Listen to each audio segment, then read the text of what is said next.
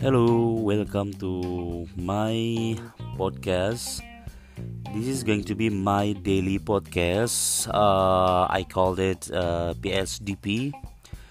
So, this podcast will bring you the content about my daily activities, my views, and my opinions about life.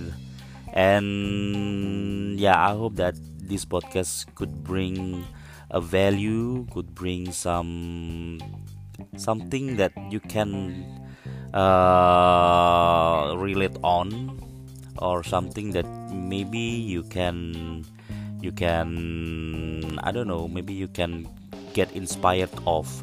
So stay tuned on my daily podcast and thank you for listening. Bye